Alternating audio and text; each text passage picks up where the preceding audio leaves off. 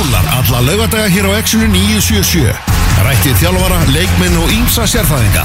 Elvar Geir og Tómas Þór mæta með fótbolta.net á laugadagum millir 12 og 2.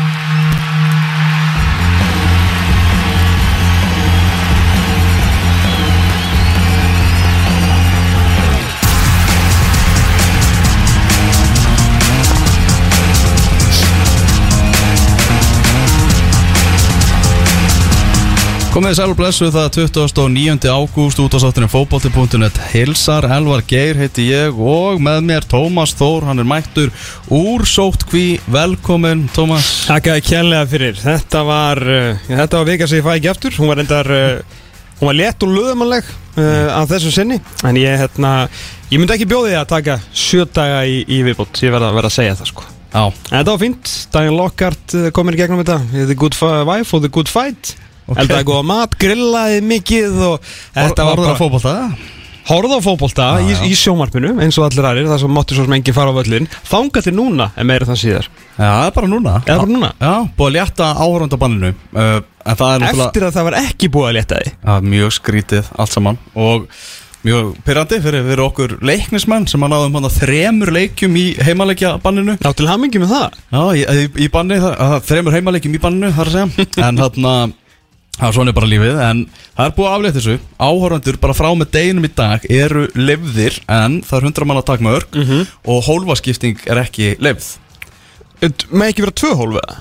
Nei, það er alltaf bara hámark hundra sama hvað ekki? Við erum að tala um það að eins og ég skil þetta Þá eru FH að fara að ná 200 manns á völlinu og sér. Já, það ekki? Ía og breyðablик að fara að ná 200 manns. Já En önnur félug nánast ekki sko. Nei, það verða að vera svona alveg tvær stúkur Já, Já, eða brekkan eins og skaganum. Þú ert ekki að fara að hólfa stúku niður Nei, nei, nei. Það er bara hundraði í stúku. Já, en þetta er alveg svona skemmtilega mikið eh, svona raskat í bala, bara eitthvað sem það er búið að vera að gera með, þetta, með þessi sótvarnadæmi Þannig að við svo sem þó ég skilji ekki helmingina þessu, þá, þá fagna þessu. Að þetta er svona, sko ég held að nýr bjargvættur eh, íslenska boltan sé hún hann að Kamila að Staðgengill uh, sótvarnalagnis Já, var að sótvænglagnir eins og við köllum þetta í bóltanum þar sem að uh, þetta fáránlega svar hennar þarna um daginn þegar hún var spurð út í þetta dæmi þegar hún sagði bara blákallt að félagin hefði verið að staðast ítli í þessu.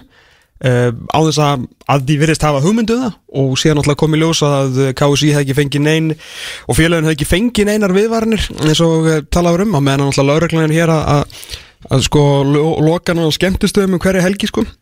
ég held að þetta fáránlega bjánalega svar hennar hafi endan og svona hjálpað knaspunnufórustinu og þeir sem hafa verið að vinna í þessu baku tjöldin að íta þessu svona í gegn því að það náttúrulega kom sóttarnar hérna minnisblad núna fyrir tveimur dögum síðan þar sem áhórundu voru bannaðir en nú er búin að aflétta því degi síðar.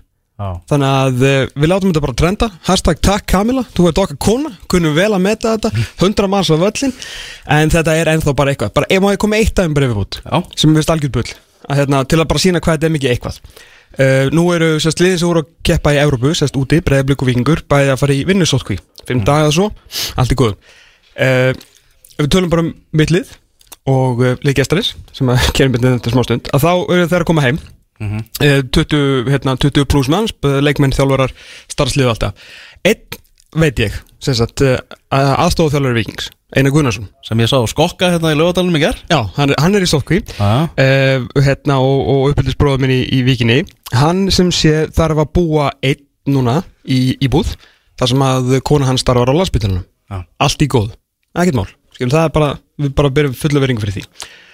En allir hinir mega vera í sótkví heima hjá sér með fólki sem er ekki sótkví og þetta fólk á síðan náttúrulega og þessi strákar eiga konur og börn og þessi, þessar konur og þessi börn með þess að halda áfram með sitt líf. Já. Skilur, þannig að þau búa með mann í sótkví sem má ekki hitta neina nema vikingana og konur og börn sem að fara síðan á leikskóla í vinnuna sínur.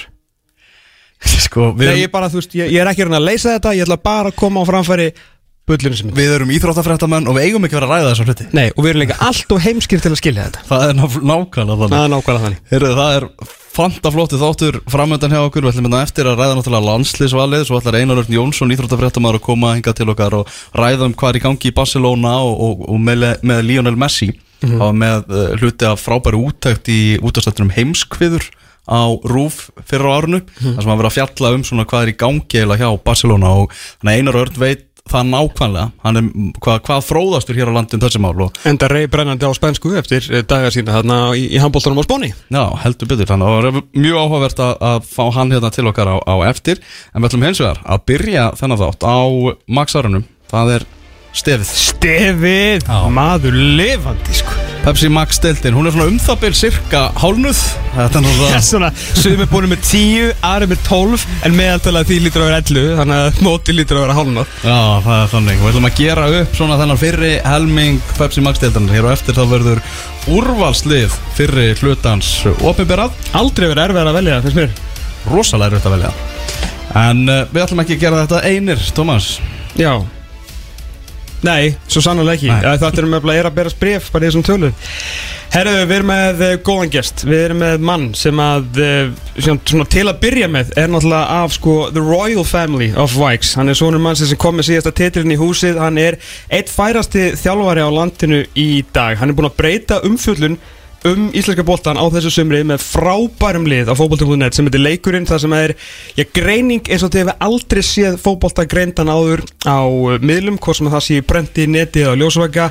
Þetta er uh, já, eins og eins og hann var kallaður í gamla daga kynþokka fylgsti sóknar bakvörður Íslands Arnar Nokkur Hallsson. Velkomin ég, það er bara, mað, ég hef ekki ekki svona kynning áður en ég er mjög sáttu við þetta. Jú, ég, þetta, maður er bara í dýrðaljóma.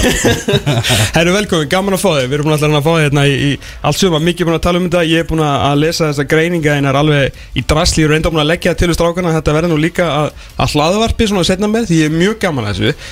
Hérna bara rétt á hann förum, bara östut Hvernig svona kom þetta til og fóst í á svona, já, á Að Sko, ég gerði þetta náttúrulega fyrir afturheldingarliði því ég var að þjálfa þar. Já, Og þá ger- að Þá gerði ég þetta mest fyrir sjálfa mig. Og það eru takmörk fyrir hvað maður leggur mikið af upplýsingum fyrir leikmenn vegna þess að það bara vinnur á mótumanni. Já, Og ég hef verið að að lesa, það eru þýskir miðla sem ég finnst vera með bestu uh, svona leikreiningarnar og, og ég saknaði þessi umfjöllunina hérna á Íslandi að mér fannst, mér fannst hún oft ekki alveg taka á því sem mér fannst vera markvert í leikjónum og mér fannst einhvern veginn tækifæri til þess að, bara segja ok, heru, gerum aðeins betur vegna þess að mér finnst allir þjálfar á Íslandi við þurfum að gera betur. Við erum að dragast aftur úr í uh, bara, finnst mér. Mér finnst íslensku fótbolti færast hægar framheldur um fótboltin í löndunum í kringum okkur og við þurfum, við þurfum að step up our game, það er bara þannig, finnst mér. Algjörlega. og þetta var svona spil sem það sem ég hafði lítið að gera, ekkert að þjálfa. Þá, þá ákvæði ég að gera þetta og, og hef haft mjög gaman að þessu. Eða ekki? Jú, Hvernig hafa viðbröðu verið? Því að menn kunna ekki sérstaklega mikið að meta á Íslandi þegar að vera gaggrinn að störu þar sko. Nei, það, það- þetta hefur verið þannig. Ég fengið talsvert af hrósi frá mönnum sem er að þjálfa. En, en ekki þjálfur um deildarinnar? Eh, eh, þeir hafa eh, svona, þeir, hafa ekki skellt á mig. Ok. en þarna en ég, mér, ég hef nú reynt að finna jákvæðu hlutina hjá liðunum og reynt að einblýna frekar á það sem mér finnst vera skemmtilegt en, en það hafa náttúrulega verið leiki sem, það sem mér finnst svona tækifæri til þess að gera eins betur Já. og ég skil vel að mönnu sárnið það og ég hugsa að ég er alveg drullu fúll á bíla ef ég fengi eitthvað svona í andlitið Já, en ég meina þeir hljóta að vera að greina þetta sjálfur og vandalega komast að mjög svipari niðurstöðu því að leikurinn fór bara á eina leið veist, það er ekki, sögufölsjón í leikrinningu Nei, eh, nei en ma maður getur náttúrulega að dreigja upp mjög mismöndi sögur Já, eftir því sem maður vill. En, en, þarna, en almennt, veist, ég hef spjallað náttúrulega við talsvæst af þessum mönnum svona eftir á. -hmm.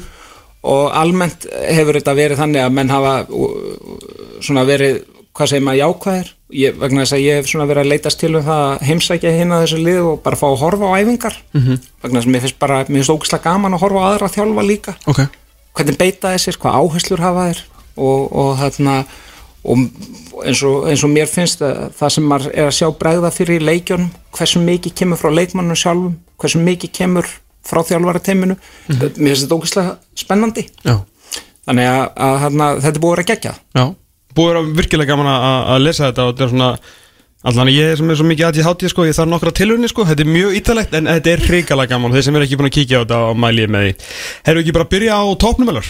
Jú, við ætlum að skoða svona liðin öll 12 og við skulum bara byrja á topnum þar sem að eh, Valsmenn sitja er með 25 stig. Þeir hafa verið á, á flottu skriði svona eftir að eftir að fengur að skella á móti skagamönnum. Þá er Heimir búin að finna svona réttu formúluna sem verðist vera að virka þarna á hlýðarenda Já, ég, ég er mjög, uh, mér finnst valsplið spila skemmtilegan fótbolta þegar næst er á stryk, en það er þegar Patrik er ekki með, að þá er sóknuleikurinn, finnst mér, agalugur rempingur, en varnarleikurinn er búin að vera mjög þjættur, markværslan góð og góðu taktur í liðinu. Og svo er þau náttúrulega með að því að mér finnst uh, svona leikmann sem er svona Rói Kín típa sem er Hauku Páll og sem er bara svona gæðastjóri liðsins í því í um, hugafari og, og vinnusemi og það er bara, ég, ég er svo gaman að þessum típum sem eru svona, hvað segir maður, svona gæðastjórir liðana, þeir bara sjá til þess að, að menn mæti til leiks með bara sokkanu upp og tilbúin að leggja sér fram. Já. En er hann ekki líka, þú veist, svo sem ekki, ekki nýjustu fréttinar, en hann er alveg, þú veist, góður í fótbolt og ofan á það að vera grjótharður ég meina, og sk- skoða bara, þú veist ég var að renna bara yfir svona væskátt skýsluna yfir það sem er komið, þú veist, ég meina, hann er á toppnum yfir, skilur, bara hefnaða sendingar og með góða prósendu, þannig að hann getur bæði unnið boltan með, með krafti og sér líka komið honum í alvöru spil, ekki bara eitthvað til hliðar að tilbaka, sko. Jú, hann, allavega, mér finnst hann, uh, mér- hann náttúrulega bara er með leikstíl sem hann er búin að þróa, sem er tiltölulega einfaldur leikstíl og hann hefur tilfinningu fyrir svæðum og hefur kraft til þess að koma inn í svæði og svo hefur hann tímasetningar í skallaboltum sem ég held að engin annar hafi bara í deildinni Nei. eins og hann hefur og það færi liðinu helling og þetta hjarta að ég, mér, mér, ég bara, mér finnst sagt, þessa típur, þetta voru svo algenga típur í gamla dag mm -hmm. um, veist, um, menn er svo Mark Duffield sko, þau voru bara alvöru sko. Og þarna að, að, þarna, að þetta eru þetta eru, þetta eru æðislega típur og, og allt of fátíðar. Og við eigum að rækta þessa típur sem hafa svona mikið skap þannig að maður upplifið að það sé að sjóða yfir á þeim í leikjum bara vegna þess að viljinn til þess að vinna er svo mikill Hver er svona, þú veist, hérna af því að liðið er mjög óbreytt frá því á síðustu leiktið, en bara nánast ekki, ekki neitt, sko. Við sem veitum alveg hvað gerðist í fyrra en getur þú eitthvað svona komið okkur í eitthvað, eitthvað svona, eitthvað skilningum hver bara hérna munurinn er, af hverju komin á þetta skrið aftur? það, ég, nei, raun og veru ekki. En ég get bara giskað og það sem mér finnst einhvern veginn og, og, hefur svolítið einkjönt finnst mér heimi að hann hann fær menn á sitt band og hann býr til kemju þar sem mönnur líður greinlega vel vegna þess að þeir leikmenn sem voru hjá honum í FA og þeir, þeir, stoppuðu ekki stutt við sko. Þe- þeim leið vel og það var ró í kringum allt saman yfirvegun og svo hefur hann náttúrulega mjög næmt auga fyrir fótbolta. Og það sem, eina sem mér finnst núna sko, mér finnst hann vera með það gott lið að mér finnst hann geta svona aðeins blási meiri lúrana og bara, hú veist eru, við erum, við erum Íslandsmesta kandidatar og, og svona aðeins aðeins svona gert þetta með aðeins meiri svona stæl en, en, en hann er að gera þetta mjög öruglega, bara eins og þessi káaleikur sem mér fannst alveg þrautleðilugur Já, það er svona neikvæðasta greiningin hinga til, sko. Já, það var alveg þrautleðilugur leikur. Hérna, en sko eitt með eins og hann svona kannski veðjaði á ranga hesta eða valdi kannski svona ránt ránt allan, það gekk ekki allan vel til að byrja með þá er það um byrjunlið, hann er aðeins búin að gera smá tilfæslur, koma inn með leikmenn sem að svona, kannski aðrir voru búin að benda honum á en hann auðvitað stýrir þessu. Valgi Lunda er búin að tala, taka við af McGales, Eidur Aron er að koma inn í þetta Kitty auðvitað var meittur og svona. Um, veist, er ekki líka alveg, þú veist, má ekki líka alveg hrósa honum svona fyrir það sem hann getur gert utanvallara með, veist, bara svona taka þetta á sig koma inn með þetta lið, af því að hann ætlar að halda mönnum sko líka svona góðum í skapinu og þannig, þau þurfa að vera með honum þráttur þessi ósáttur, ég meina Eður Aron er spurður í öðru hverju vitali hvort það sé ekki ósáttur á bekknum og hann er alveg þvílít heiðalegu með það, en samt kemur hann alltaf inn á og er alltaf geggjaður sko. Já, já, ég, þetta er náttúrulega, finnst mér sko, hvernig, hvernig Rúnar hjælt á málum fyrir part eh, fyrir part fyrir partsins fyrir káir, að það var meistarlega gert það var bara að menn komu þarna inn og þeir spiluðu bara eins og þeir hefðu bara spiluðu sem bestabolt og það er uh, heimir að sína sína snill í þessu núna, hann er að sigla í gegnum þessar öldur, þetta er ekkit, ekkit leikmenn sem eiga því að venjast að vera á bekknum, þetta, þetta eru hágæða leikmenn á íslenska mælikvarða og sem eru vanir að vera í líkil hlutverkum og vilja vera í líkil hlutverkum og eru með stórt ego og að, að halda ró í svona hóp og missa þetta ekki allt í einhverja vittlisu að það er kunst og hann kann hana mm. Þegar að Valur var hérna svona einhverjum verið baka tjöldu um að senda Kristinn Frey á láni til Vikings fyrir Nikolaj Hansen til að fá svona eitthvað backup heldur þetta að veri bara heldur að heimina að vita að það getur myndi aldrei takit í mál og það er bara verið að sparkja í rassin hann heldur það að sé svo klár Já, ég það Hann er bara að sko geggjaður síðan sko. Já, já, ég bara, ég held að ég, ég, það er góð pæling. Ég, ég Ef ekki að gefa hún það? Gefa hún það? Gera það. Ég er alveg samanlega því. Serðu eitthvað lið, þú veist, þér með fimmstega fórskot eða þú veist, stjarnan á, á leiktu góða vissulega en er eitthvað lið nógu heilstætt í dag til að uh, elda upp og koma stið og fyrst þér? Ég hef ekki hugmyndu, ég sagði að Káur væri búin að klára þetta móta Já, við líkar þetta. Nei, ég, mér finnst mér finnst eins og mér finnst eins og það sé kóðin svona rithmi í liðið og, og mikil festa og þeir kunna að vinna titla þessi leikmenn. Mm. Þannig að, að það er þeirra að klúra þessu. Mm. uh, ég sé uh, mér finnst stjarnan skref á eftir. Og, og, og ég held að Valur búið að því að, að vera með uh, besta markvörðin í deildinni mm -hmm. og ég held að séu með allavega mitt persónulega mat er sennilega með þrjá að fjórum bestu varnamennunum í deildinni á þessu tímbili sem eru? Mér finnst Rasmus geggjaður, mér finnst hann ekki góð bakverður, en mér finnst hann geggjaður. Mér finnst Valgir uh, hafa verið alveg geggjaður þannig að við komum hérna í bakverðin, svona underlapp inn, svona eins og, hvað heita, Candela sem var hérna hjá Róma. Já, svona underlapp bakverður og svo finnst mér, þó Birkir hafi ekki farið mikinn í þessu, að þá finnst mér um, ofbóslegt öryggi í öllu sem hann gerir. Mm -hmm. Þessir þrýr varnamenn finnst mér alveg uh, hafa spilað rosalega vel en þetta er, þetta er bara mitt mat Já, með besta markmannið þrjá af fjórum bestu varnamörnum Kitta Frey, Patrik Pedersen og svo svona Haug, Pál og Sigala, þú ert alveg í góðum málum held ég sko.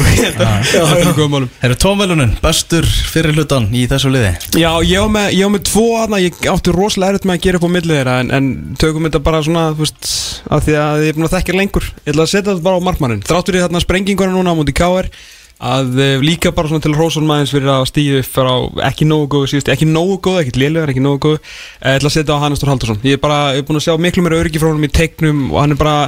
uh, að að og sérstaklega núna þegar er enginn hérna, á vellinu og maður er að horfa á þetta, maður heyri honum gjamma í 90 mínútur, bara leikstjórnun ég ánaði með, með Hannes minn. Mm -hmm. Herru, ég ætla að henda ég er bara að halda áfram Axlaböndunum á Einari Kalli Ingvarssoni, hann er bara einhvern veginn, nú verður áraðan, bara eitthvað er lán og svona, kemst lítið í lið. Reyndar er náttúrulega bara mjög fastmóta lið, er erfitt að komast inn í þetta þegar það komið svona galla á þetta. uh, og svo var það svona að pæli hvaða liðin þurft að bæta við sig en, en eftir að fengu hérna unga danan þá sé ég ekki neitt, ég meina heimi getur klárað þetta? Herðu í öðru sæti deildarinnar er, eru stjórnumenn, við erum nú komin í 20 steg á pakkan, það eru þrjúlið þarna með, með 20 steg, byrjum í, í Garðabænum þar sem að Óli Jó er mættur að, og bara fyrsta spurning, bara Óli Jó og, og Rúna Pál bara hvaða blöndu eru þeir að búa til? Hvað er svona Óli að breyta í, í stjórnulegðinu? Mér finnst Óli verið ríkjandi og Rúnar ríkjandi finnst mér. Svona, og ég merkja það helst á leikstílnum ég bar saman fjölda sendinga bara hjá liðinu í fyrra og, og á þessu tímbili og það er um 20% munur. Og það er alltaf mikið til þess að þú útskýri það bara með það er ekkit af því bara. Aukning, aukning. Og, og, og Óli gerir þetta og ég ber ómælda virðingu fyrir Óli og ég ber líka mikla virðingu fyrir Rúnari. Og mhm. Rúnari er bara allt öðru sér þjálfari og, og þarna gerði náttúrulega frábælega á sín tíma að gera á Íslandsmeistara en Óli finnst mér einhvern veginn hann, hann býr til ákveðna svona spila minnstus rútinur og flæði í sitt lið og ákveðna þólimæði að leita eftir möguleikum. Og við, menn veit alveg eftir hverju að leita sem, sem þarna sem er geggja og svo er náttúrulega Alex Stór þarna ég, þegar hann er í stuði sko það, það er það er eitthvað annað bara Já. það er eitthvað annað þegar hann er í stuði vegna þess að takturinn í því sem hann gerir er óbúslegur og góður og mér fannst þetta svolítið skrítið þegar Guðjón Pétur kom þarna ég, ég fannst vera að bera í bakkafullan lækin þar og ég held að myndi ég held að myndi vegna þess að mér hafa svo góður gott jafnvægi í liðinu mm. en þeir hafa þarna, þeim hefur gengið mjög vel og, og þar aftur kemur þessari list hjá þessum þjálfurum sem, sem eh, felst í því að balansera hópin sinn og halda mönnum góðum og, og selja mönnum réttu hlutverkin og, og þetta allt saman og, og það er, það er, finnst mér stóru mönnurinn hjá stjórnunni, bæting leikstíl og bæting í, í stjórnun á mannskapnum. Mm. Margir svekkjandi leikjur upp á síðkasti fyrir stjórnum þeir gera mikið að jafnteflu, mikið að komast yfir en missa þess að niður í, í setnafleik Já, ég, ég, ég er nú ekki alveg með þetta alveg á hreinu en, en þarna ég svolítið tengi þetta þessu startstoppi þegar Já. þeir voru að uh, koma inn, koma út uh, og þetta er alveg rétt sem að segja sko, knaspinmenn er ekki bara vela sem hún ræsir að vild Mhm. það myndast ákveðin taktur og rithmi og þetta fer ákvæmlega mikið ef, ef, ef það er stór partur af þinni rútínu að mæta á æfingu og gera það sem hápunktu dagsins er að mæta á æfingu og njóta þess að vera fótbolt og þetta dettur út hjá þér að það hefur áhrif á andlega líðan leikmanna og það hefur áhrif á taktin og það get ekki eft með þessum hætti. Þannig að mér finnst það að hafa komið svolítið hart niður á þeim og, og ég held að það sé hluti af skýringunni þar. Já, ég held að Garbaðingar sem er mjög ánægð með að heyra þig segja þetta því þeir hafa tekið þá leið að allir ekki að kvarta eða kveina neitt og, og bara taka þetta á jákvæðinni Já, sem er rétta leiðin held ég. Já, Eitt í þessu að þú veist að hérna alveg rétt, ég meina þeir eru með hérna, miður bara við tölfræðinu fyrir fyrra og tölfræðinu núna, það er búin að auka, þú veist, náttúrulega, auðvitað þá náttúrulega mínútur, prósentur og sendingar, þannig að það er svona meina með Óli og sér kominarinn. Eh, en samt sem áður, þetta er lið sem að hefur spilað, svona aðeins og þeir lístu sjálfur alltaf og maður hafi gaman að, svona svolítið rock and roll fótbolta, setta svolítið bara langt fram með góða pressu og gæja sem gáttu skora. Því á þau skoru líka fullt fullt af mörgum þráttur að vera ekkert mikið með boltan nú er meira með boltan en þeir eru ekki komnir yfir 20 mörg Uh, já, ég sko, það, það er náttúrulega þegar þú breytir svona leikstíl og þú ert kannski með sender sem er meiri svona vardí típa mm. í Gauðbald Já. já.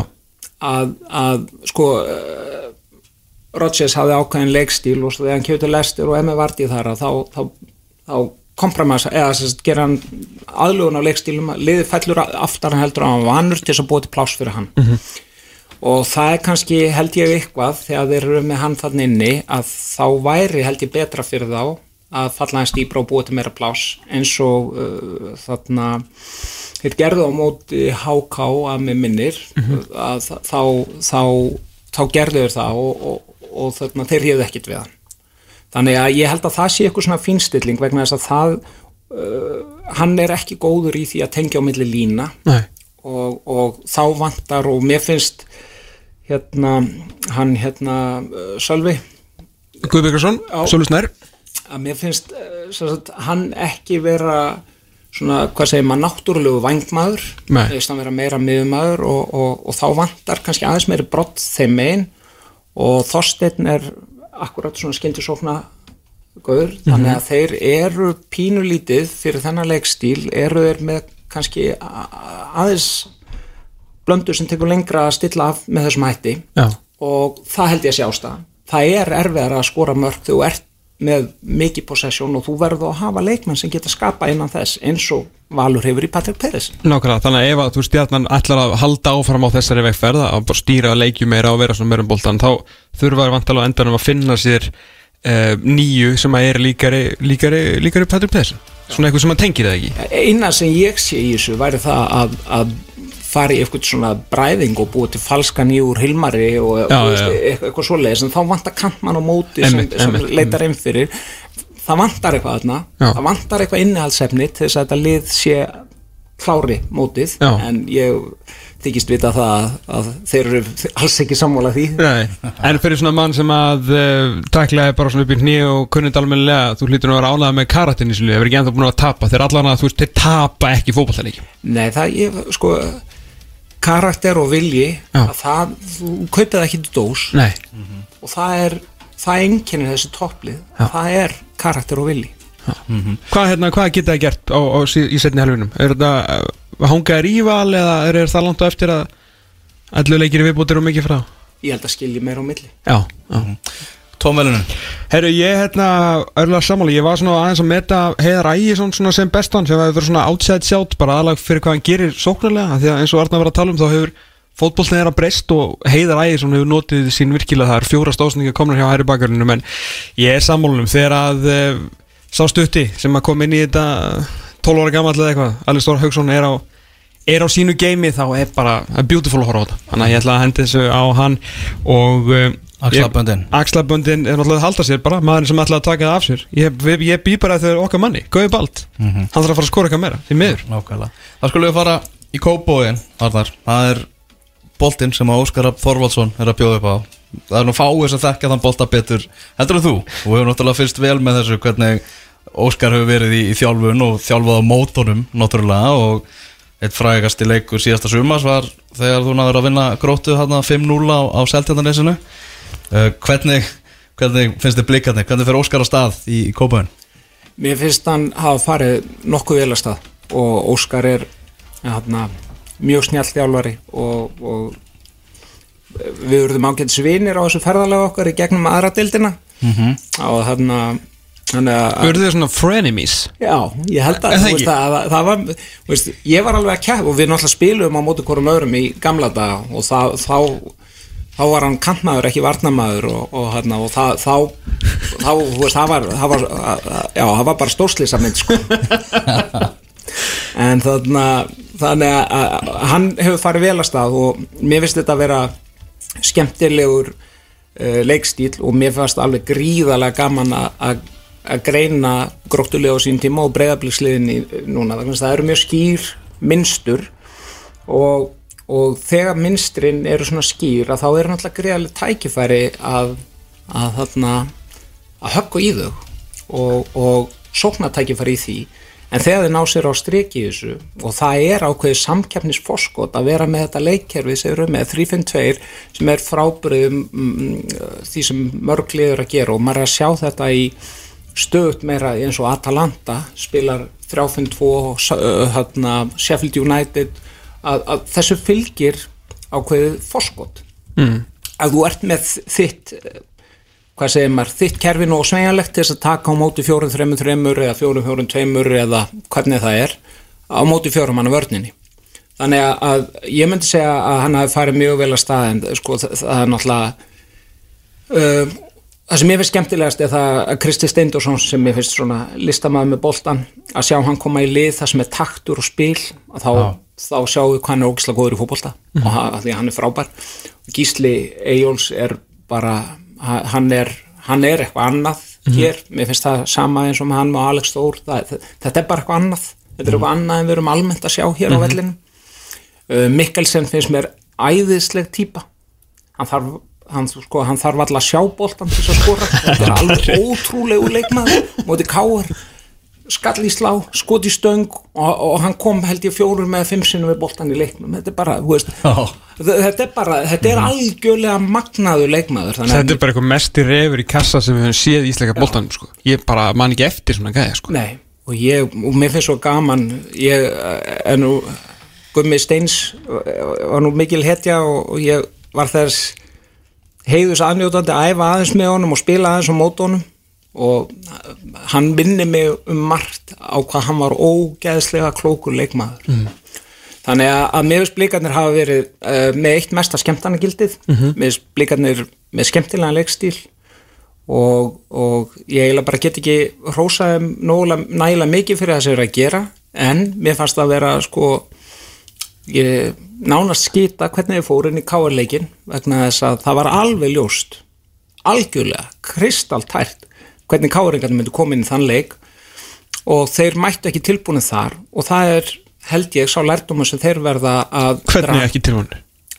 Já, K.R. ætla aldrei að spila eitthvað sambabólta í þessum leik. K.R. ætla að vera mjög beinskeittir og, og hérna, blikarnir ætla að fóta sig í gegnum leikin með e, því að halda bólta og e, voru bara pressaður út af vellinum og tæklaður út af vellinum og þú verður allavega því að mér finnst í þessum leikjum og við sjáum þetta alveg úti í hágæða fótbolta þegar við erum með bestu liðin þá er bara allt í botni og, og það er ekki tomma gefin eftir við sjáum þess að frægu derbyleiki í Breitlandi mm -hmm. þar sem menn koma bara eins og fljúandi skítakamrar inn í tæklingarnar og það bara, veist, það er allt vittlust af tilfinningum mm -hmm.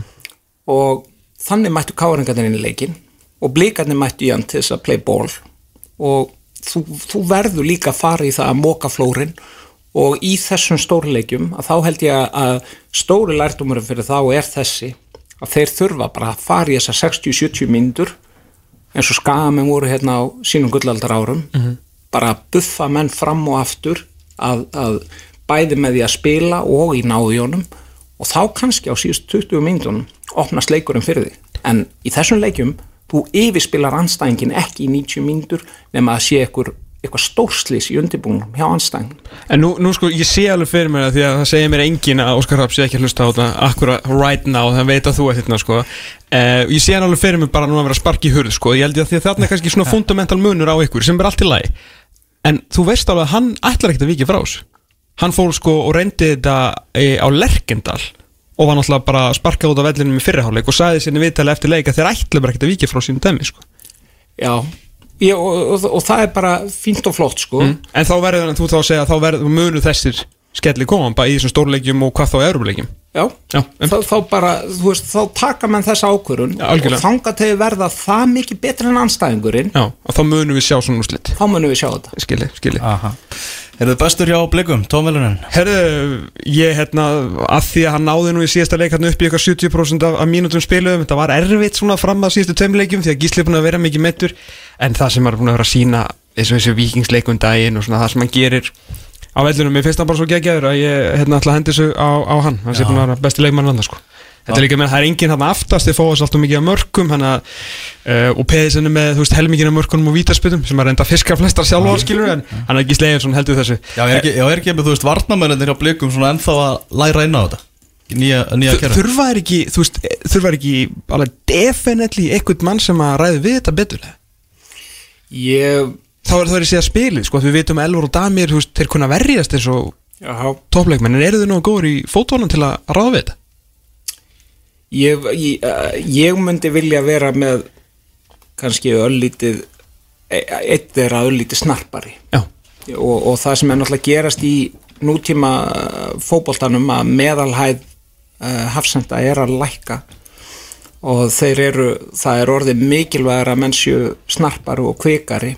Og ég, ég held að, að, að þarna fyrir þennan leikstíla þá, þá væri held ég betra fyrir að vera með, með mann sem er aðeins fljótur á og, en, en ég, þú veist, mér, mér finnst Damir og Elvar, mér finnst þið báðið mjög góður og mér finnst Elvar hafa gripið nokkuð vel þetta hlutverk sem Arnar Þór Helgason var í hjá, hjá Gróttu, mér finnst hann hafa gripið það nokkuð vel á stuttum tíma og hérna þannig að vegna þess að það, það, það, það þetta er mjög skemmtilegt sko vegna þess að þá dregur hann dekkar hann, dekkar hann niður og svýpir hann upp eins og djúpa miðum hann Mhm. og þetta er svona uh, þannig að maður þarf að útfæra pressun á allt annan hátt heldur en maður gerir annars Já. þannig að þetta er þetta er mjög skemmtilegt, Eh, mér finnst þið báðið mjög góðir en ég held að eins og þú segir aðeins önnu típa þarna inn Já. þá verður uh, trúlega betri. Já. Ég ætla að enda axlaböndunum á uh, strákið með krullunar uh, Við erum búin að setja rána svo hátt fyrir hann að við vorum að tala um þessi besta leikma mótsinn sko. og blikar voru að tala um það sjálfur sko. þannig að uh, ég vil frá meira frá því að krullu minn. Uh, því miður. Bara, og ég býst líka við miklu meira. Í Já, það kemur vikunum. meira. Ef við menga ágjör því. Algjörlega, þá skulum við vinda okkur yfir í Kaplakrigan F-áingar, þeir eru með eh, 20 stig einnig. Munurinn á F-á, Óla Kristjáns F-á og svo núna svona Loga og Eðs F-á sem er í, í, í uppbyggingu hver er, hver er munurinn? um, ég mér, mér finnst hann eiginlega of lítill. Já, svona, ég hef náttúrulega ekki séð alveg nógu mikið en þær glefsur sem ég hef séð þá finnst, ég hefði viljað fá meira. Ég hefði viljað fá meira og, og, og þarna mér, mér fannst, veist, mér fannst uh, Óli Kristjáns gera greiðarlega vel uh, þarna í þessum bleikaleg, mér fannst það skemmtileg pæling þó svo að það hafi ekki gengið eftir en þá sámar áherslunar og það, það, það var hásbreytt frá því að skila þeim sigri í leiknum. Og þannig að, en mér fannst og það er kannski það sem er kannski með þjálfun er það að, að, að það er vandrataður sem stígur að flækja hlutina og hafa nægilega einfalda og skilvirka. Og ég held að F-fáliði hafi svolítið brasa með það. En það sem mér finnst einhvern veginn með F-fáliði með alla þennan mannskap að því að mér finnst góði leikmenn, gríðarlega góði leikmenn. En mér finnst vanta gæðastjóra í þetta lið, mér finnst vanta haugpálstýpuna mm. og mér finnst mér finnst svona Er Rækjur Gunnþór mögulega komin þar? gæti gæti verið gæti verið, hann virðist vera mjög stór, eða hvað segir maður með mikinn persónleika og, og mikla drift. Já, þannig að, að það er vonandi fyrir þá. En það, veist, það, það verður að vera þessi, þessi, þessi, þessi gæðastjóri innan leikmannahóps innan leikmannahópsins, hann verður að vera og mér finnst að F-fáðingarna hafa skorta og, og þarna og mér finnst ósangjart kannski, mér finnst allir vera pöngast einhvern veginn á bytni Daniel en vegna sem mér finnst uh, hafa voru leikir hérna þar sem Björn spilaði af því að mér fannst vel. Færði vel fyrir lið, var alltaf option og, og var að leysa hlutina sko. en, en svo voru leikir það sem það var ekki að gerast en, en þessir, þessir aðilar allir, allir þessir leiðtúar, þeir eiga að vera í þessum hóp. En þeir, bara, þeir eru bara ekki stígu finnst mér. Já. og, og, hérna, og það er náttúrulega held ég að einhverju leiti hlutverk þjálfarana að virkja virkja þessa menn í því að stíga upp í þessi hlutverk vegna þess að Guðmann fer yfir strikið og, og, þarna, og þá vinnur það á mótiliðinu. Mm -hmm. um, mér finnst Guðmundur mér, mér, finnst hann ekki hafa alveg nógu mikil áhrif einhvern veginn þarna veist, mér, ef hann væri á miðunni það spurning hvort hann geti haft einhvern veginn meiri áhrif ég veit það ekki. Nei. en mér finnst einhvern veginn miðjan hafa verið vegna sem mér finnst Þórir fínn í því sem hann er að gera en með honum verður að vera einhver maður sem stýri stjórnar og, og, hérna, og svona drífur þetta svolítið áfram. Vegna þess að hann er finnst mér mjög lofandi miðumadur hvað hérna, finnst þér þetta svona ennþá þá, hvað, flatt orðið eða svona, þú veist, bara yfir, bara, leik, bara 90 mínútur eða? mér finnst bara vant á hungur. Mér finnst bara vant á hungur í þetta lið. Mér, ég, þú veist, F-fáliðis þegar var á sínum hátindi að, að þú veist þetta var bara, þetta var bara lið stút fullt af rafmóringum þú veist, þeir bara réðust á menn og verkuðu þá. -hmm. og ég sakna þess frá FH vegna þess að þetta var þetta var svo, þetta, þetta var svo rúðles keppnismenn sko. Núna finnst mér einhvern veginn, þeir, það er bara þeir eru pínu sattir bara og, og ekki alveg nóg hungraðir. En þú veist, að, þú veist, þetta var svona kannski frekar svona í, í neikværi kanti fyrir liði fjórasæti en allt í lagi, þú veist, með 20 stig samt sem að það eru 5 stigum frá, frá toppnum. Nei, ég meina með, þú veist, það hlýtur þá fyrst að það er nóg að bæta, þá hlýtur að sjá að þeir geti gert eitthvað allu eða hvað, að, að ég er vel titlinum. M- mér finnst þeir eigi að vera neck to neck með þarna valsmenn Já, það er það svo út að menna, sko. Já, það, það sé, þú veist Já. ég- mér, mér, mér finnst þetta bara lið þannig mannað Mhm. að það eigi að vera neck to neck og, og þú veist, logi er náttúrulega íkon, þjálfara íkon á Íslandi og, Mhm. og eigður ef hann þarna eins og hann sagði sjálfur kannski að ef hann bara nennir þessu frá degi til dags þá náttúrulega ætti hann að geta orðið alveg yfirbara þjálfari vegna þess að hans innsæ í leikin sem leikmaður það, það var náttúrulega það hefur engin leikmaður finnst mér að hafa komið snálagt honum. Nei. Finnst þér hérna eitthvað að vanta, þú veist, eiga að gera eitthvað núna fyrir lók gluggans eða, eða bara, þarf bara aðeins að tvíka Já, mér mér finnst bara þurfa að tvíka mér finnst Jónatan, Baldur Guðlöks Þórir, mér finnst þeir eigi kannski svona aðeins þessi, þessi ungu strákar. Mér finnst þeir eigi að nota og þeir, þurfa að hleypa reppanum inn í helvítis hænsnabúrið sem eru fyrir gefið þessir eldri leik með hana Já.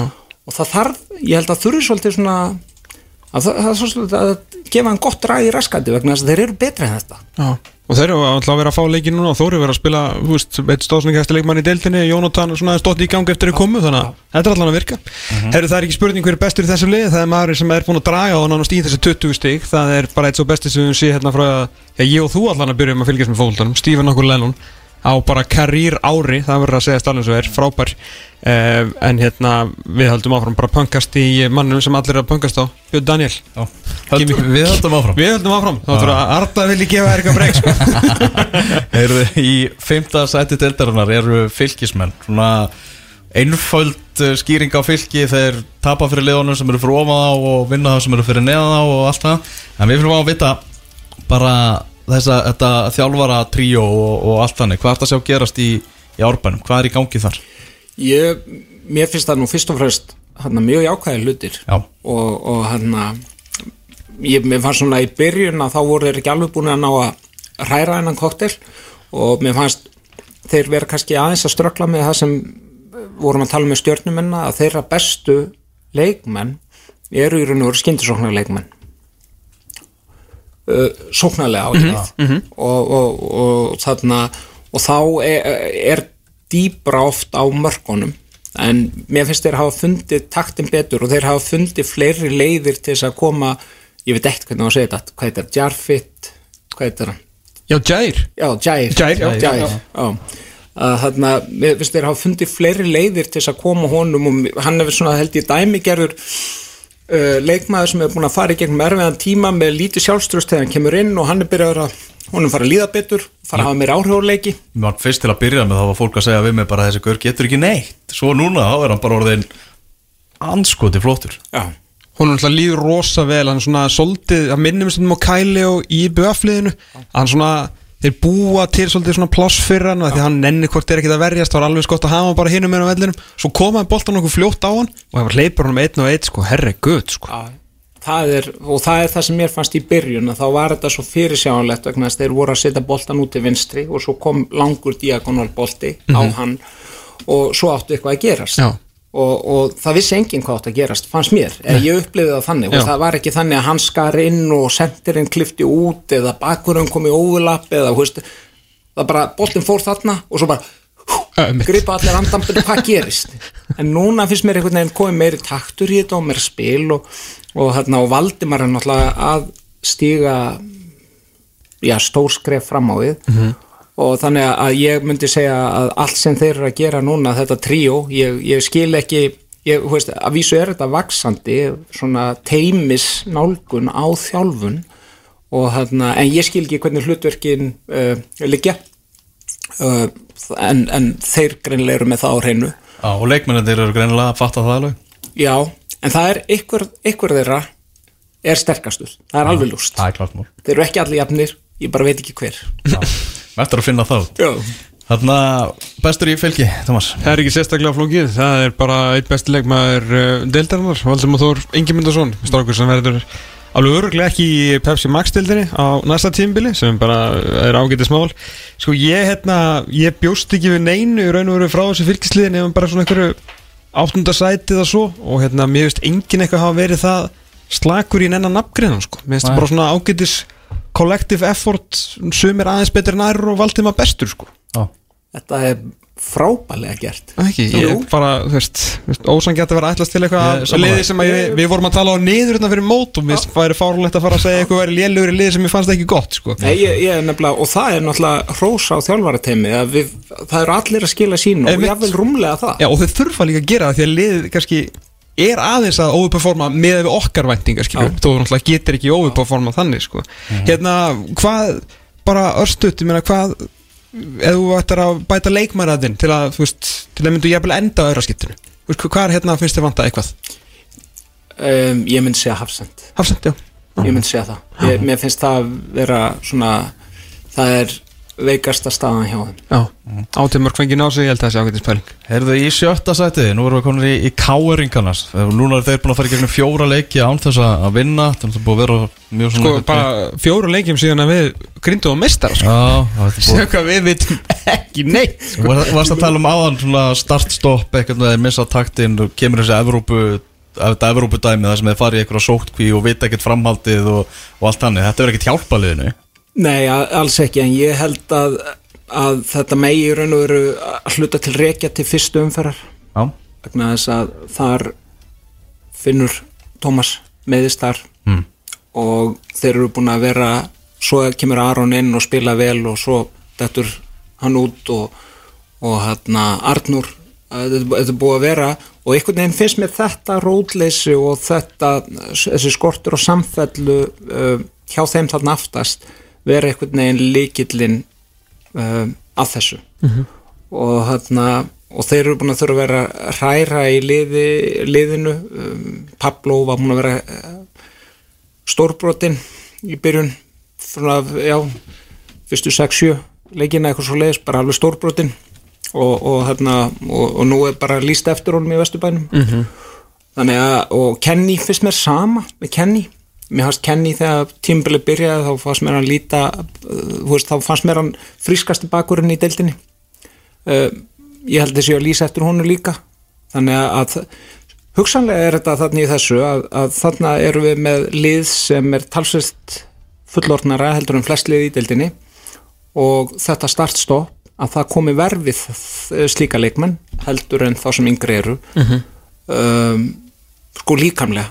En, en, en það er eitthvað meira í gangi mennur, það er eitthvað meira í gangi en bara það Það væri rosalega öðvöld að segja bara að væri, væri sattir en því miður þá er það ekki afsökur sem virkar með hvernig þið fóru á staði þessu móti sko. Nei, nei, nei, alls ekki Þú veist, Rúnar hefur gert vel í að halda þeim alveg, þú veist, hungruðum í meira sko. Já, og, og, og sko hvernig þeir fóru í þennan valsleik uh, og þarna jörðuðu hann í raun og veru bara á baráttunni einni og svo takaði umferð. já, í fyrstum ferð og svo ta- takaði blikana með svipuðu.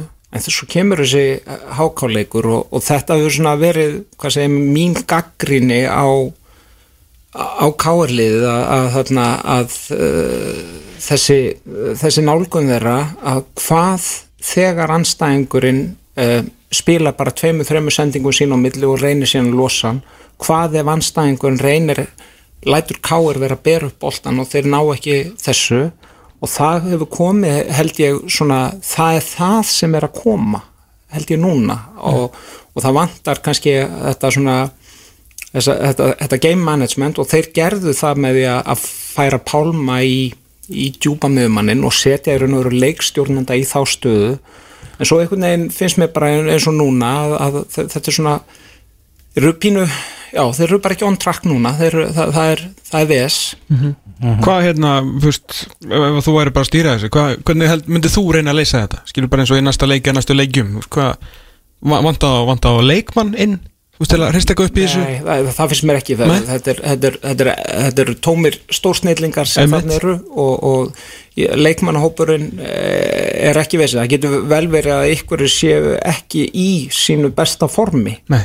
en ég myndi nú halda að, að, að svo framlega sem er, séu heilir að þá er það ekkit meira en tvær vikur að skerpa á upp í toppform frá því sem þeir eru, þeir eru ekki, þeir eru ekki way off.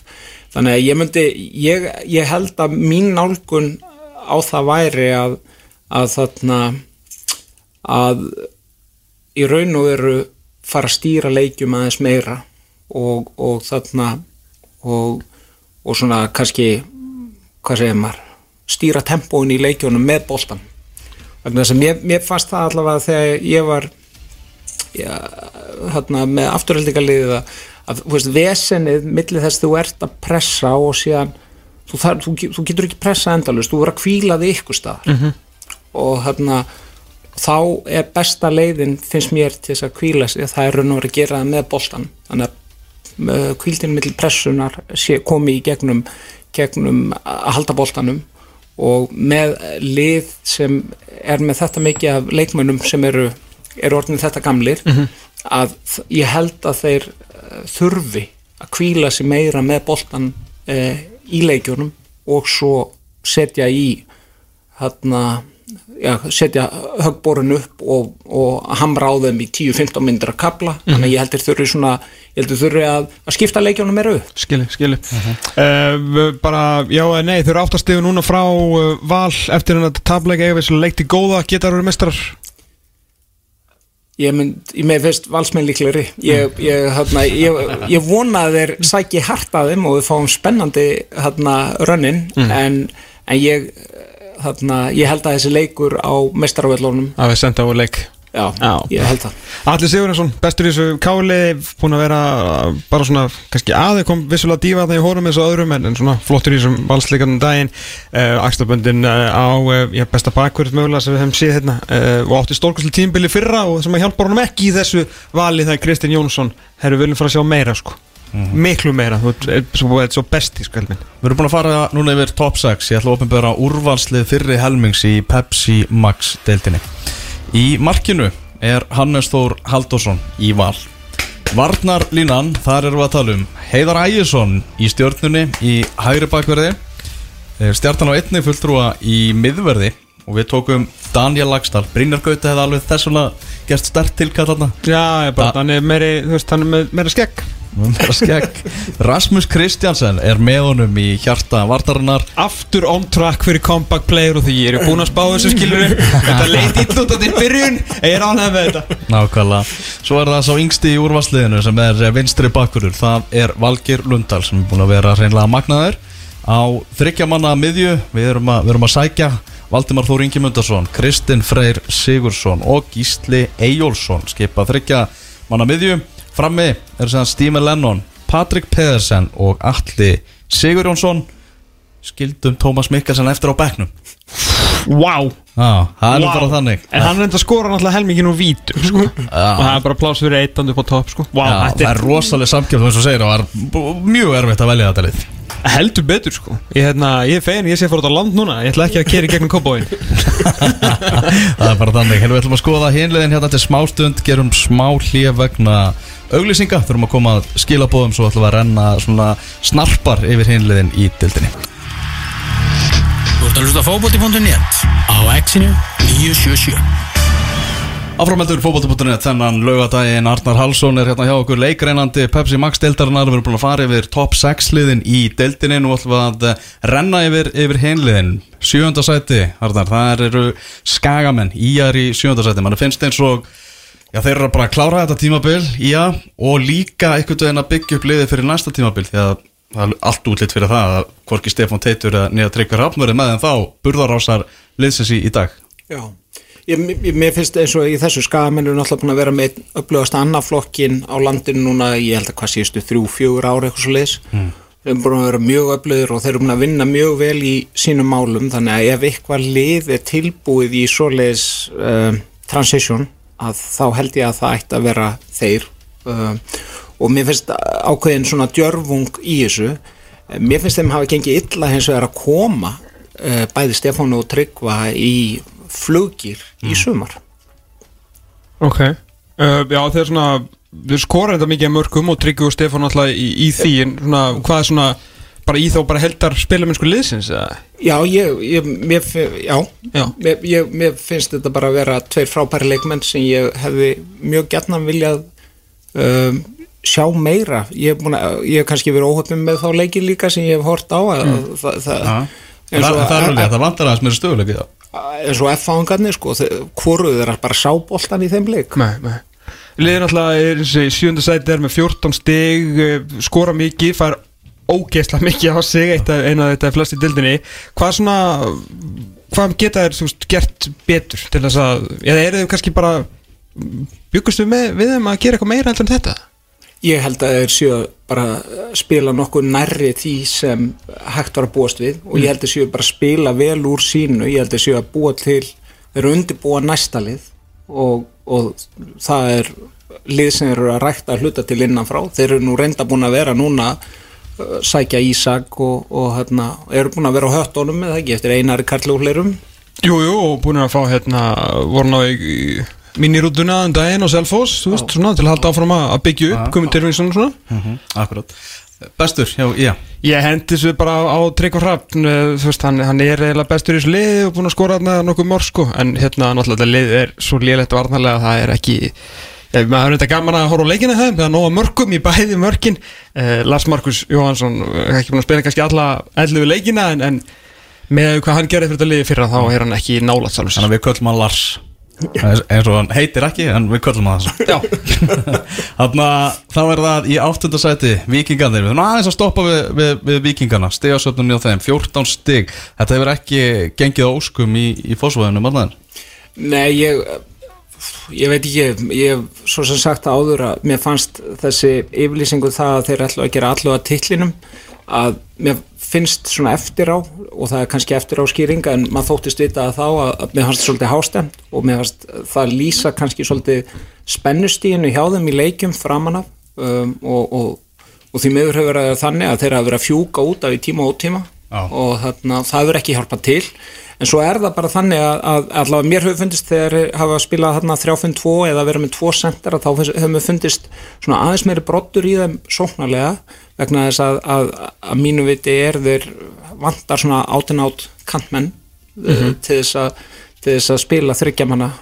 þryggjamanna sóknarlínu uh, sko, já, þeir hérna fjóri, svona fjóri, fjóri, tveir, tígull þú veist, hefur líka gefist uh, ágætlega hjá þeim, sko, það er nú bara allt sem að tengist ekki því að vera með menn út á kontum, sko. Já. þannig að það er alveg svona, eins og margir er búin að benda á eitthvað klálega sem að þeir þurft að laga og voru ná í strák í, í Adamæði Pálssoni sem er þetta að skora þarna um daginn. Já Hann er frískur en ég er alveg sammála, ég held að 4-4-2 tígull sé mjög gott kerfi fyrir vegna þess að Davíð er mjög góður sóknabakurur og Alli er virka með góða mótor líka. Þannig að, að það er eitthvað sem held ég að sé gott verið á að vinna með. Og Óttar uh, hann er það góður í fótbolta og, og, og Nikolai Hansen líka þannig að mér hefur fundist þegar þeir hafa verið saman upp í toppnum þá hafum við fundist svona mestur uh, tilgangur í sóknarleik liðsins Mhm. Svona á tölfræðilega er, er vikingur eitt besta liðið dildinni uh, í öllum tölum nema þess að stígunum sem að er uh, mjög þreytandi uh, sérstaklega fyrir okkur vikinga Nei, með þeir halda boltanum mest í dildinni þeir eru með hæsta x points þeir eru með hæsta xg allan þú veist, með við síðan mörg skoruð sko. Þannig að þeir virðast vera allan að þegar maður horfur á leikina og síðan þú veist skoða tölfræðina þá er maður hlýtur einhvern veginn veist, ég er að sjá eitthvað gott eða ekki en þannig að endanum einhvern veginn að sparka boltanum í blæsa markið. Jú, sko, allavega eins og mér finnst mér finnst vikingslið eitt skemmtilegasta lið deildarinn er að horfa. Mm. Mist, sama með blikana, þetta spi, þeir spila opna og skemmtilega leiki en það sem með vikingana finnst mér að er ákveðin hvað segir maður, óhefni uh, vegna þess að ég, ég þeirra skoðan að allir þessi leikmenn eiga verið viking að yngvar í markinu uh, Sölvi, Kári Haldur Smári. Þetta eru leikmenn sem eru með mikla reynslu og þeir eru allir uh, nærmarkinu og mér finnst ég held að þeir væru með eitthvað mjög reynslu mikinn og góðan skapandi miðumann eða, eða sóknamann uh, að þá væru þeir að nýta þessa stöður betur vegna þess að, að þeir eh, eru að fara svona illa með þessa stöður að stórum hluta vegna reynsluleysis mm. þeir eru ekki nú yfirvegar í þessum stöðum í úrvinnslu á þeim þannig að ég held að ef einn af þessum hvað segir maður, reynslu miklu póstum væri bara hérna framar og þá held ég að, að stafan væri allt önnur. Sáu kannski aðeins bara hérna í leiknum núna á móti dregunum hérna í, í Ljúblíunu uh, þegar að Kári Átnarsson er inn á veist, hverju, ég meni ég hef ekki séð svona einhverja baráttu gleði og, og karakter í þessu vikingsliði í, svolítið langan tíma sko, því að þú veist, þurfa ekki það að gera það mikið þeir eru alltaf með boltan og bara fára á sig mark sko, en það var náttúrulega bara þetta var hetu dáð sem að því miður döði ekki til en það muniða nú miklu að Kári var nú þarna bara eins og kongur sko. Fann að verja skot með, með tippinu og ég veit ekki hvað og hvað sko, þannig að það var geggjaður sko. Já, þetta þarna hann maður er, hann er geggjaður. maður býst við miklu meiri fleiri stegum frá vikingum í, í setni hlutanum. En fyrstu þú minnast náttúrulega á Evrópu og þú talaði nú um það Arnar hérna í uppafi að, að framþróunin í íslenska boltanum hún er of hæg að, þínu mati og þessi UEFA listi sem að kom uh, var opinberaðir að lági hérna vakti aðtikla á, á Twitter. Þar sem við bara íslensk félagslið eru á niðurleið. Við erum búin að missa færiðar yfir okkur, við erum búin að missa Gíbraltar yfir okkur eru þeir með deild? eða? ég þurfti ég veist ekki svona, ég meina það eru 55 alda þjóður í Európu og við erum í 50. seti Ég var að, ég var að tala við, við dómarar, aðstofadómara sem að var að dæma núna í, var í Evrópuverkefni Já. og dæmdi leikmilli liðs frá Gibraltar og Luxemburg og hann sagði þetta var miklu meira krefjandi heldur en að dæma leiki á Íslandi Nei, ég meina, hérna, Dútilangi frá Luxemburg er búin að fara tvið svo svona sístu þreymur árum í riðlakeppni Europadildina, sko. Þú veist, ég held, fyrir, fyrir, fyrir ég heyrði fyrst árið Dútilangi þá sagði ég bara byggibanni, sko. Þú veist, ég vissi ekki sem það verið fótballtalið, sko. Ég meina, og okkar púbalið okkar hérna frá Döndalk á sínum tíma, þú veist, Íratnir hafa verið að komast inn að af hverju, Hvað þurfum við að gera, Arðar? Ég þykist vita það að þú ert með skoðan gerum smá pásu á liðunum, Arnar, hjálpa okkur í Európu. mér finnst við hafa sofið mjög illa á verðinum bara í meir en áratug. Og uh, alveg frá því þjóðurætni fóru í gegnum sína háðung og endur skrifuðu allt sitt úlingastarf og belgarnir skömmu eftir að þá fóru menn í það að búa til þess að akademíur úti og, og, hérna, og breyta uh, bæði mentum þjálfara og uppbygginguna afreikstarfinu og á þessum tíma er og ég held að það sé alveg öruglega þannig í dag að afreikstefna KSI hljóma þannig að hún er ekki til. Það er félagana að reka afreikstefnuna og félagin eru það uh, fámenn að þau geta kannski þrjú, fjögur í mestalagi rekið ykkurn vísi að ykkur sem heitir Akademía og við erum náttúrulega með félagslegt kerfi innan gæsalappa í yngreflokkastarfinu sem þýðir það að það, við, við erum að hræra allt óti í sama gröfnum þannig að, að ef við breytum þess ekki að þá mun þetta bil bara stækka og gleika og verða meira og meira og meira. Og ég man bara eftir, ég fór með Valgeir Valgeirsson, fórum til Malmö og fórum þar í akademíun og ég held að, að Valgeir var ágættur í fótbolta og hérna ég held að Malmö væri bara svona, já það væri fínt að, að hérna, sína þeim hvernig þetta gera þetta. Og við fórum þarna og það var strákur þar sem mann nú ekki alveg hvað heitir sem uh, City var á eftir sem var þá í Malmö sem var í yngre landslegum Svíja og þetta var bara önnu dýrategund. Þetta var bara önnu dýrategund heldur en við erum með hérna á Íslandi. Hann var svo ógeðslega mjúkur og góður þessi gaur. Og allir þessi gauðra sem voru í þessu Malmöli þeir voru, þeir voru geggjaðir. Valgir var með þeim betri af þessu jafnöldru sínum en þessi sem voru framúskarandið þarna þeir voru geggjaðir. Og þeir, að, þeir voru með styrta þjálfaraðninni, þeir hafa mjög einfalda möndru í því, við til dæmis vegum ekki, við, við sinnum markmannstjálfun algjörlega með raskatinu. Þeir hafa mjög einfalda möndru það var það að besti maður liðsins verður að vera markmaður vegna þess að þá er svo erfitt að skora og þá verður allir hinn betri, þannig að þeir voru það var æfing hérna þeir áttu alla landslýsmarkmennina í yngre landslýðunum og það voru tveir markmannstjálfarar þarna með tvo eða þrjá 16, 15-16 ára stráka sem voru æfa mark. Og gríðalegur metnaður í þessu.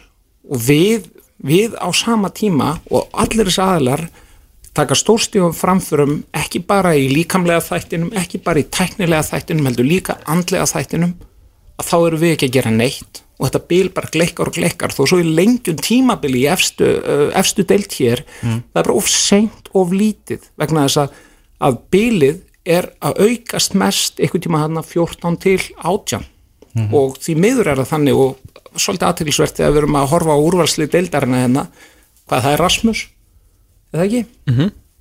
Allt hitt eru íslenski strákar.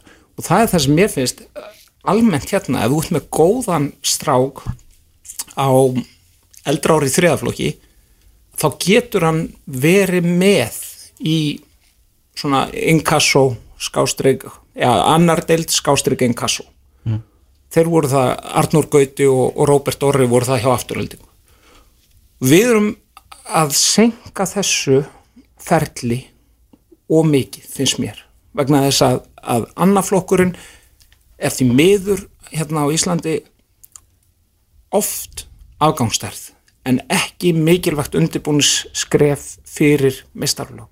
Þannig að við þurfum bara svolítið mikið að gerða okkur í brók og það dór ekkert að stinga þessu í eitthvað nefndi eitthvað kæftæði. Ah. Við þurfum KSI þarf að taka skrefi vegna þess að félögin hafa ekki burði og ekki þann fjölda af yðkendum sem þarf til þess að vera með uh, starf þar sem þeir bestu verða enn betri. 14 til 18 ára, það er svo hópur sem við þurfum að, hlúa mun betur að. Uh, Höldum að fram að, að skoða liðin í uh, Pepsi Max deildinni Hákáinga þar hérna í, í nýjönda sæti. Hvernig finnst þér þeir hafa verið? Mér finnst þetta tímabil uh, stórt framfæra skref fyrir HK HK í fyrra um, hvað segir maður, harka í gegnum tímabilið Já. fannst mér. Um, mér finnst þér spila betri fótbolta í ár. Mér finnst meiri þroski í liðinu. Mér finnst þér vera fjölga góðum fótboltamannum í liðinu Birnir, Ívar, þetta er góð viðbót. Og nú hérna, hann Martin komið hérna líka sem ég er, er góð viðbót líka við þetta lið. Þannig að ég held að hákáliðið sé að uh, þroskast bara eins og gott rauðvin hægt. Og þeir, þeir munu verða góðir held ég til lengri tíma liti þeir eru að byggja þetta skynsanlega upp. Nákvæmlega og margir náttúrulega ungir sem eru að fara að koma upp hjá þeim á á næstu árum með marga ungri, unga yðgjandur þannig að mjög áhugaverið hlutir að gerast hjá Háká uh, þannig að Hákáingar eiga eftir að vera bara fast í efstu deild á Íslandi. Ég sé enga ástæðu til annars. Gæti verið svona eitt svona tímbil hefða með viðbútt Svona, svona að reyna svona aðeins að með smá bætningu með þurfa svona aðeins að rusta sér í gegnum þetta skilja Já, ég, ég held að, að þeir þurfi sko, þeir, núna, þeir eru búin að taka Ívar og, og Byrni og með fulli virðingu fyrir þeim, þessi báði mjög góður leikmenn en það er til eitt level fyrir ofan þetta það er það er level sem þau þurfa að fá næstin Já. hjá sér. Já, já, mitt, mitt. Heyrðu þau bestur í Háká og bestur í Víking líka við áttum það eftir. Já, herruðu, Ótto Magnús Kjálsson uh, hann náttúrulega er bara eitt, hæfileikar leikmann í deildinu og hann líka eitt svo markahesti þannig að uh, Kjári var nú ekki búin að spila nóg marga leiki, Axlabundin einfalt það er Ingvar Jónsson uh, og hjá HK það gerist náttúrulega allt í kringum Vala Lilla Val eh, minn uppáhals í þessari delt Já. sem að spilar eins og hún sé 2 og 10 hann er samt bara 1 og 10 geggjaði strákur. Og Áskir Martinsson fær axlaböndin í einhvern veginn bara maður heyri aldrei nafnaðist einhvern veginn lengur Í tíundasætti deltinu eru, eru káamenn, þar er eh, Arnar Gretarsson náttúrulega tekið við og það er einhverja viðræður um það að káamenn vilja halda honum, þeir vilja að, að það verði höndum Arnars Gretarssonar einhvern veginn að, að, að búa til þetta káalið eins og þeir vilja, vilja hafa. Uh, hvernig líst þér á, á, á það verkefni? Mér finnst að Arnar hafa gert vel, hann kóða hann inn og hann róaði greinilega fullt af svona óanægu öldun sem voru í gangi. Uh, endurskipulaði og einfaldaði liðið skýr hlutverk um, ekki alveg nóg mikið flæðu og skemmtarnigildi í þessu. Hallgrimur Mar, hann þarf hann þarf að- að að stíga veruleg upp og ef hann stígur ekki upp þá þurfa að finna annan í hans stað fyrir næsta tímabil. Uh, mér finnst Brynjar uh, mér finnst það spennandi strákur. Þannig að, að mér, finnst, mér finnst fullt af jákvæðum hlutum hjá Káa vegna þess að, að þetta lið það var hvað, þeir voru með 6-7 útlendinga held ég þeir fóru upp og þegar fyrst ári uppi það var, það var mjög mikið það er minna núna og, og hlutverkin eru meira að koma á þessa stráka þannig að ég fagna því. Já, þetta er svona óruvarslið agurir og nágrinnis já, já. Já, já, það er bú- búið að benda á það. Mm Þarna bestur í káa Brynjar ekki Bjarnason, sammála því. Bara þeir náttúrulega fá alla á sig mörg og ég bara mér finnst svona verður bara allt og lítið tala um hann, ég held að við sem er líka alveg segir í því sko, að hérna hörku, hörku strákur sko, hörku strákur. Rósa hann. Já, algjörlega. Og axlaböndun er eins og einföldu að verða. Það er maður sem að eh, stakk mig í bakið hérna fyrir einhverjum fjóru-fimm ára síðan og fór aftur heim. Reynda verið ekki að það líka. Hallgrímur Mar, við bara veist, við óskum eftir miklu meira. Það þarf ekki að ræða þetta, hann veit alveg sjálfur hvað hann getur sko, er svo besti í þessu deltu og verið það í ykkur sex ár sko. Þarna þú sem fyrrum þjálfari afturrætningar varst náttúrulega með gróttu og fjölni nýliðunum í, í deild í, í fyrra og uh, ekkert sem bent til annars heldur en að þetta veri eitt ár stoppja þeim í, í aftur deild. Já, því miður ég, ég held að þeir bæði lið hefðu þurft að fá örlítla gæða einspýtingu til þess að, að ná að, að, að, að stíga þetta skref. Vant Fjölnir er mér bara vantað einspytingu já, yfir höfuð, já, það var lítið að gerast þar? Já, það var náttúrulega agalegt að missa begga kortir í mót. Já, það var agalegt og, en, en sko mér finnst eins og fjölnislið, mér finnst margt betra við fjölnisliði núna heldur en í fyrra og, og þeir eru búinir að taka skref fram á við í þroska mikið af þessum yngri strákum sem hjá þeim eru. Og það er bara spurning hvernig þeim helst hvernig þeim tekst að halda þessu saman. Og þá er ég að menna Jóhann og Ingiberg Kort og, og, Orri. Hallvarður. Hallvarður, þetta eru allt strákar sem uh, eru svona finnst mér bæta sér talsvert.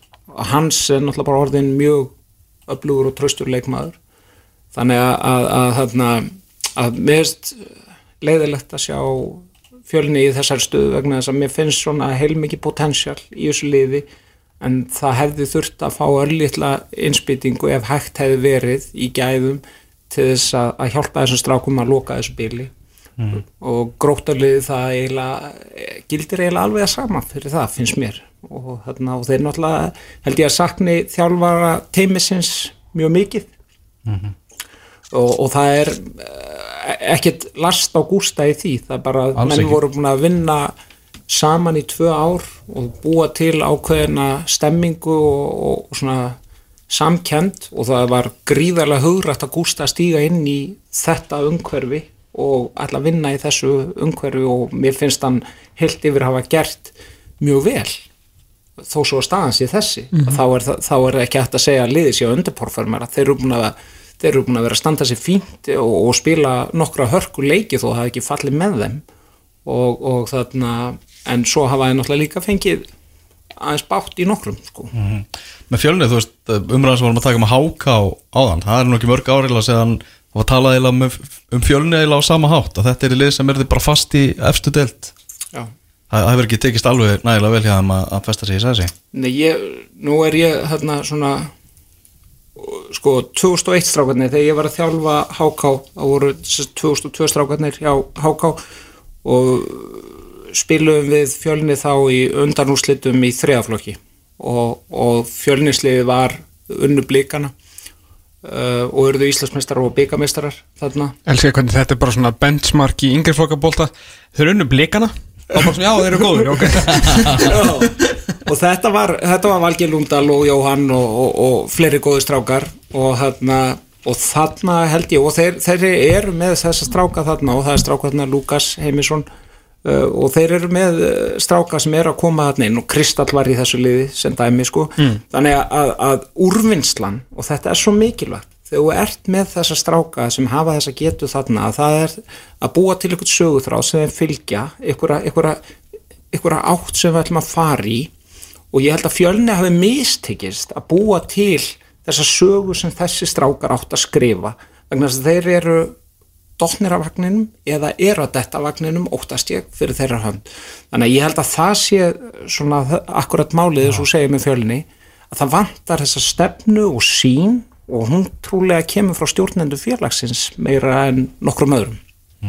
Já, þetta er svona, einmitt, hvað, þetta er 20 og eitthvað þúsund manns, þetta er svona hvað maður að segja, þetta er svona semi-Newcastle Íslands, þú veist þannig, ég menn þeir eru með eitt starsta hverfi í Reykjavík fyrir sig sjálfa. Ég menn það væri ekkit mál og það væri ekkit óeðlilegt að bara byggja nýtt fótboltalið í Hamrakverðinu, sko bara hinum megin, þú veist, og skiptir sér tvent, ég menn þetta er það stórt, fattur mig, ég menn að þeir eru með margfald fleiri ytkendur heldur en mörgunum lið. En svo er bara eins og við margóttar Það er áhugjefni fyrir að leik fjölnismennir eru að spila annars þar Margir hverjir Já, það er líka það sem Arnar að tala um að þeir kannski ekki bara aldrei einhvern veginn náð að búa til einhverja mjög skýra stefnu eða eitthvað og kannski ekki sömu mennindi sem hann átt að náða að fylgja því eftir sko. Þetta ætti að vera draumur fyrir hvert sem er sem myndi vilja koma inn sem einhver yfirmaður knaspötnuðu sveiðis eða eitthvað skilur við að byggja eitthvað þessu? Stærsta hverju reykjaðum með fullt af flottu leikmennum og hvað er marga strákar sem er að fara stutt, fara ungir út eru, þú veist, Trey Aron Jó, allir þessi gæjar og þú veist, Tónvelunin fyrir nýlaðana Herðu, ég hérna,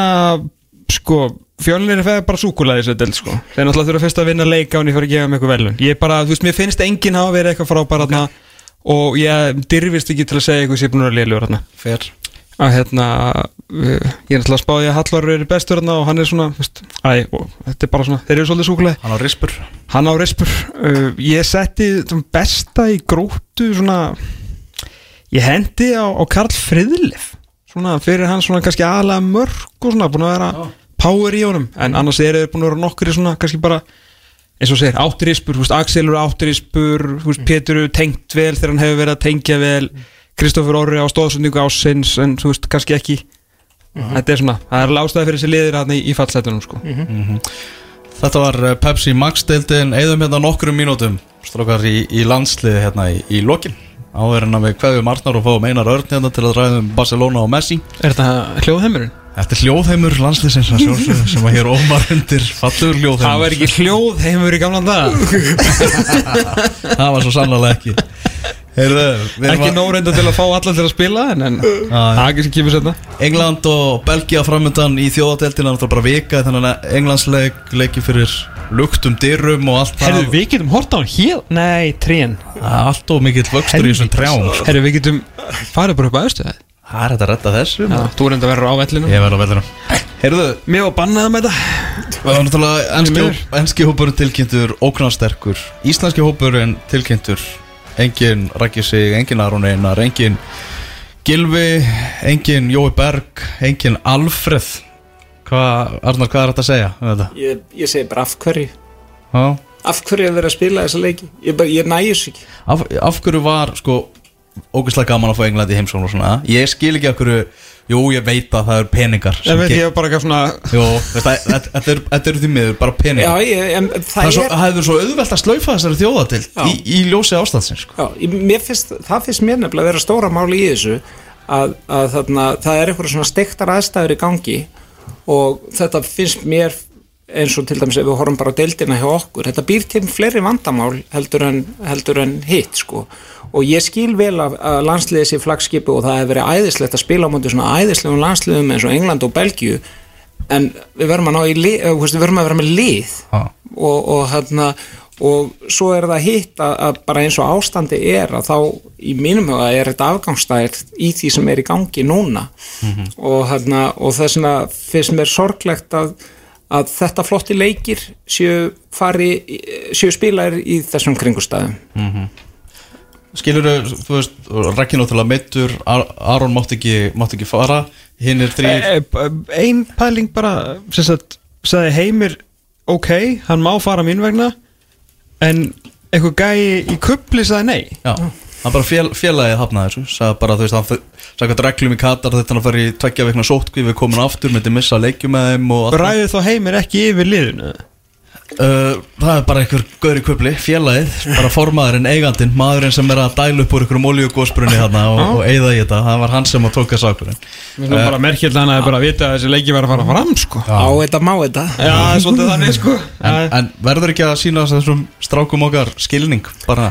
Algjörlega, algjörlega. Ég, ég, ég skil leikmennina fullkomlega og mér fannst Alfred mjög heiðarlegur í, í uh, sínu og ég hérna, og ég skil það fullkomlega eins og út frá þessu að það er verið að keira ákveðið rithma og við erum að tala um það að þessi geta veist, við bara svæfum ekkit leikmenn og ræsum það upp að vild og, og Hvað þá leikmenn sem er búin að vera í vöðvatóknunum í þrjú ári svo Jói Berg sko. Á, þannig að, að það er ábyrra hlutur náttúrulega að, að, að setja menn út í einhver aðstæður þar sem þeir eru bara mjög útsetti fyrir því að, að slasast sem hefur þá afleðingar að þeir get ekki stund að vinnuna sína og þá hugsanlega fá þeir ekki framhaldssamning og þetta getur bara haft mikil áhrif á þeirra líf. Þannig að ég, mér finnst þetta bara mér, mér finnst þetta bara fullkomlega skiljanlegt og, og mér finnst uh, þarna eins og ég segi, mér, ég, ég bara ég, þessi leikir, ég bara af hverju? Já, við erum erum að tala um það að það sé bara mjög stutt í það að burðastólpar gullkynnslóðurnar fari að, að kveðja og þetta er svo sannlega áminning um það. Algjörlega. Og það er náttúrulega, við erum að horfa á það líka að, að eins og ég horfa að ég held, ég held að, að við erum að við erum, það verður svolítið tómarum núna framundan og, og, og þarna og við þurfum að að hraða þessu endurníunaferli og það, þetta er svolítið sérstakt að, að við á Íslandi höfum verið að keira þessa stefnu og með fullri virðingu fyrir öllum þessu leikmannum og öllu þessu tóti, það er ekki verið að gera lítið úr því en á meðan til dæmis eins og þjóðurarnir að þeir hafa keirt á stefnu að keira niður meðalaldurinn markvist í sínum liðum og tóku þá stefnu einmitt eftir þessa rakfæri hvað var að 2002 og, og, þarna, og þetta er uh, það gefur ákveði hungur og það er þannig, allavega ég segi það fyrir mína parta að, að þegar maður er að þjálfa ég, ég horfi alltaf á það sem er að koma upp heldur en það sem er kannski þá sem eru komnir þarna á síðast söluta ef, svo má segja sko. En það er náttúrulega auðvitað auðveldara með 80 miljónir heldur en 350.000 sko. Með, með þjóðverðina sko. Algjörlega. Já, en þetta er alveg, þetta er alveg með, með þessa strák okkar sko, þessi gullkynnslóð sko, Mílur og Mælinum eru svakalegar, ég meina Gilvi hann óð- ótrúlega hversum ó, það er bara ótrúlega hversum vel, og kannski bara testament til hans hversu vel hann hugsaði sjálf sig. Hafið pælt í hvað hann búin að spila alveg bolta lengi ég meina, þú veist, hann var að spila sko Akademi bolta á Englandi sem er náttúrulega eitthvað annað heldur en að vera guttlega í yngri flokkunum hérna, skilur við, samt ekki en síðan fyrir hann snemmen í liði hjá Redding hann er búin að vera starter í Championship, Bundesliga og Premier League frá því hvað hann er 21 á skammallega, þetta er áratugur pluss að vera sko vinnusamasti og besti maður landslisins og það er ekki eins og hann sé eitthvað á standi á miðjunni bara þú veist eins og Heimi Guðvans hérna 2004 og dreifur um eitthvað með utanfóta sko, ég meina hann er með 12 km leik Já. í 10 ár sama með Aron, Jói veist, og Alfred og Jói er búin að vera með þessi meðsli að sjálfsögðu er þetta bara minning um það að þeir eru að fara að kveðja. Pól Skóls hætti 30 í anskanlandslinu því að hann vildi þú veist, framlengja landslýsferilsinn bara til, sem einhver dæmis.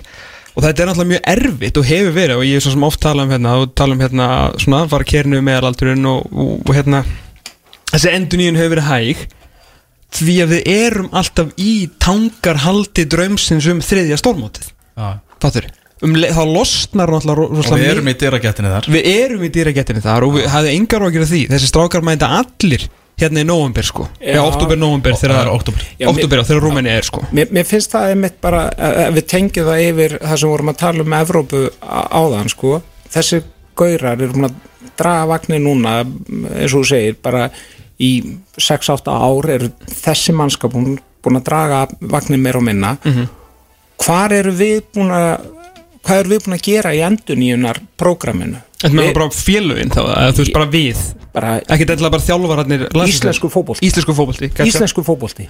Veist, hva, hvar er, við, erum að fá jú andra hérna, Fannar? Fannar inn í þetta sem er vel. Ég hefði viljað sjá Willum í, í alanslinn já, Já, Ég- einmitt. Já. Ég, mér finnst, og, og svo erum við með önnur dæmi og hann fekk nú rækilega á baugin, Albert Guðmundsson.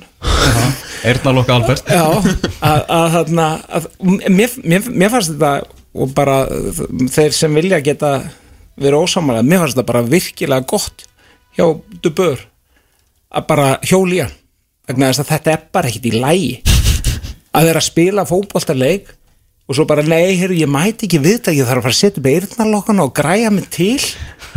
Veitu, hver er fjandans forgangsröðin hvað er nummer eitt og hvað er nummer tvö? Þetta er, þú veist, ég heyrði þess að sögu að, veist, að vera að spurja Roy Keane, hvernig hann eiginlega geta umborið allt þetta pjátur í Ronaldo.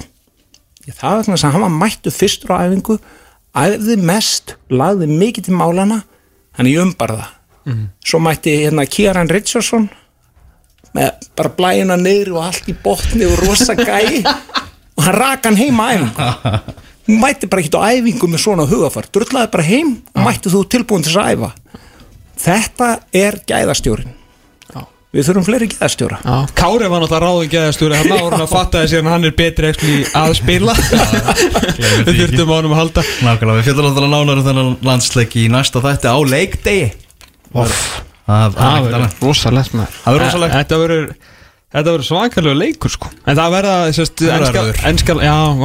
verður verður. Enska landslið mun líka vera án nokkur leikmanna Það er alveg klort að mun einhverju draga sig úr núna Og einhverjum með ástæðum á, Einhver hérna, með Já, ég er búin að vera í góðu sambandi við kólaga ykkur úti Og hérna Mér var mér sagt hverju var með COVID Þeir eru með COVID uh, Ég ég megi ekki fara með út En ég gera bara samt uh, Þeir sem að fengu COVID núna voru, Nei, það má ekki, er þetta ekki eitthvað svona Slepptu þessu bara. Já, persónuvendalögu breytandi Eru- Nei, það er mest af vesenið er hérna uh, Harry Winks. Hann var svo síðastu til að Þeir fóru allir og fengu sér sem púp COVID. Þeir fóru allir á jammið á Mykonos og eitthvað Fengu sér COVID þar.